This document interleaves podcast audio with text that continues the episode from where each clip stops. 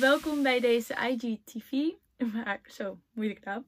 Waarbij we eh, gaan praten over emoties en gevoelens. Ik had in een eh, story van Instagram had ik gevraagd of jullie willen weten wat mijn ehm, reis was over eh, hoe je emoties en gevoelens nog meer kan toelaten.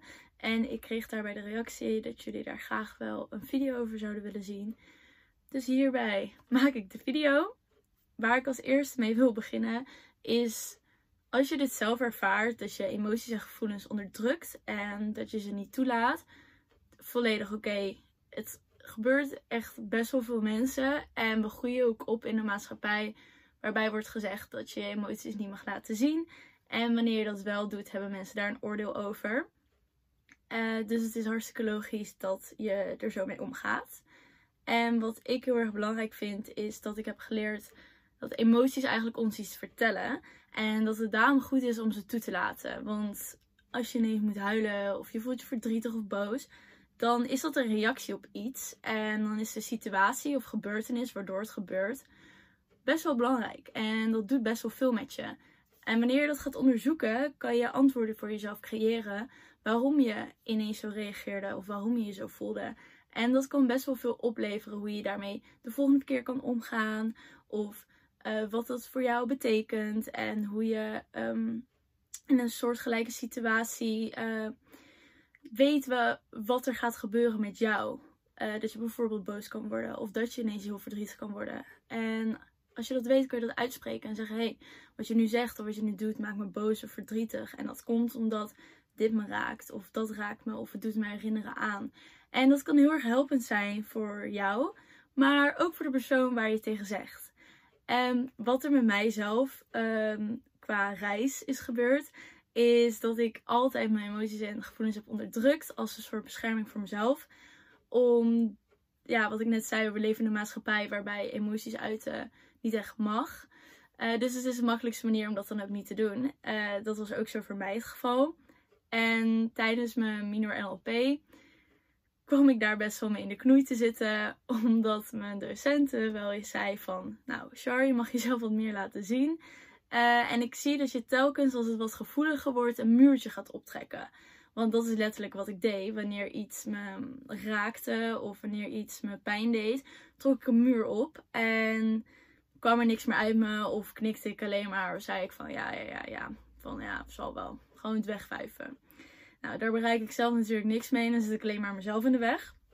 Dus wat daarbij heel belangrijk was, was het uh, herkennen wat er met mij gebeurde. En hoe deed ik dat? Dat deed ik door op het moment waarin ik uh, merkte dat er iets gebeurde. En daarmee bedoel ik dat er een situatie afspeelde. Of er werd iets tegen mij gezegd wat uh, pijnlijk kon zijn. Of wat iets met mij deed, dan voel je dat in je lichaam. Een emotie is niet alleen een uiting van bijvoorbeeld als je verdrietig bent dat je huilt, maar het is ook een gevoel dat je in je lichaam krijgt. Voor iedereen is dat anders. Het kan bijvoorbeeld een tinteling zijn over je hele lijf. Het kan een kippenvel zijn. Het kan uh, het gevoel hebben dat je een druk op je borst hebt. Of buikpijn kan je ervan krijgen. Er zijn verschillende soorten lichamelijke uitingen die gebeuren. En die van mij was dat ik um, heel erg een soort druk hier voelde en een soort verstikking. Um, alsof ik niet meer kon praten. Uh, en dat kwam dus uiteindelijk ook doordat ik nooit mijn gevoelens uitte. En dan blijft het letterlijk hier vastzitten. Dus dat was al stap 1 van oké, hoe herken ik bij mezelf dat er iets gebeurt? En dat was dus door een lichamelijke uiting. Dus op het moment dat iets werd gezegd of gedaan wat iets met mij deed, voelde ik voel ik het hier aankomen en voelde ik hier een soort druk en verstikking komen. En dat herkennen scheelde al heel veel, want daardoor kon ik tegen mezelf zeggen: Oké, ik merk dat er nu iets met me gebeurt. Ga ik er wat mee doen of niet? Uh, dat is een hele belangrijke van stap 2. Ga je op dat moment uiten naar de persoon of naar jezelf wat er gebeurt? Uh, of niet? Uh, het kan natuurlijk zijn dat je omgeving niet veilig genoeg is om dat te doen. Dat je bijvoorbeeld met tien mensen zij, uh, bent of uh, die je niet kent. Of dat je met vrienden bent en dat het eigenlijk best wel gezellig is. En dat je het gevoel hebt dat dit ineens de sfeer verpest. Dan kan je dus tegen jezelf zeggen, oké, ik merk nu dat er wat met me gebeurt. Uh, ik herken dat, dat is oké. Maar ik ga er later op terugkomen. Voor nu is het oké dat het gebeurt, maar ik ga hier later op terugkijken. Wat je dan doet, is de emotie erkennen en het niet onderdrukken. Wat ik uh, voorheen namelijk deed was, oké, er gebeurt wat, oké, okay, ga er niks meer doen, weg. Letterlijk gewoon, oké, wegduwen.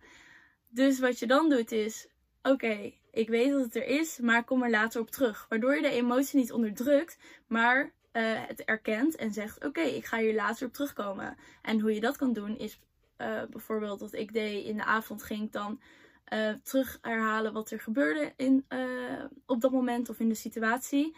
En ging het voor mezelf opschrijven van oké, okay, Pietje zei dit en oh ja, ik merkte dat ik toen dat gevoel kreeg. Oh, maar wat zei hij dan precies?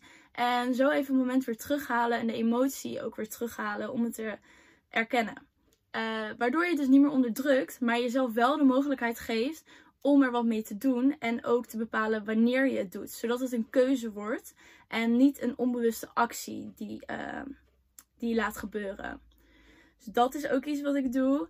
En stap 3 is eigenlijk gewoon oefenen. Ja, gewoon heel veel oefenen hiermee. En um, ja, kijken of wat voor soort momenten het gebeurt. En jezelf leren, aanleren om het een keuze te maken dat je iets mag uiten. En dat het er mag zijn. En als je dat doet, dan is het ook oké als het gebeurt. En dan leer je er ook heel goed mee omgaan. Dan leer je ook uh, herkennen waarom iets gebeurt. Dan kan je dingen plaatsen. Wat ik namelijk had is dat ik zo erg mijn emoties en gevoelens bleef onderdrukken, onderdrukken, onderdrukken. Dat ineens als een explosie naar voren kwam. En dat ik dacht, nou wat is dit nou weer? Waarom voel ik me zo? Waarom ben ik zo gereinig? Waarom ben ik zo boos? Waarom ben ik zo verdrietig? En dat was gewoon een opstapeling van allemaal emoties en gevoelens die ik had onderdrukt. En als je dat dus niet meer doet, dan krijg je ook niet ineens zo'n explosie. Of dan krijg je ook niet ineens een moment waarop je niet lekker in je vel zit. Of denkt van, oh, waarom voel ik me zo? Wat is er toch aan de hand? En dan weet je waarom je je zo voelt. En dan weet je wat er speelt en wat er aan de hand is. En je kan dus ook actie ondernemen om er wat mee te doen.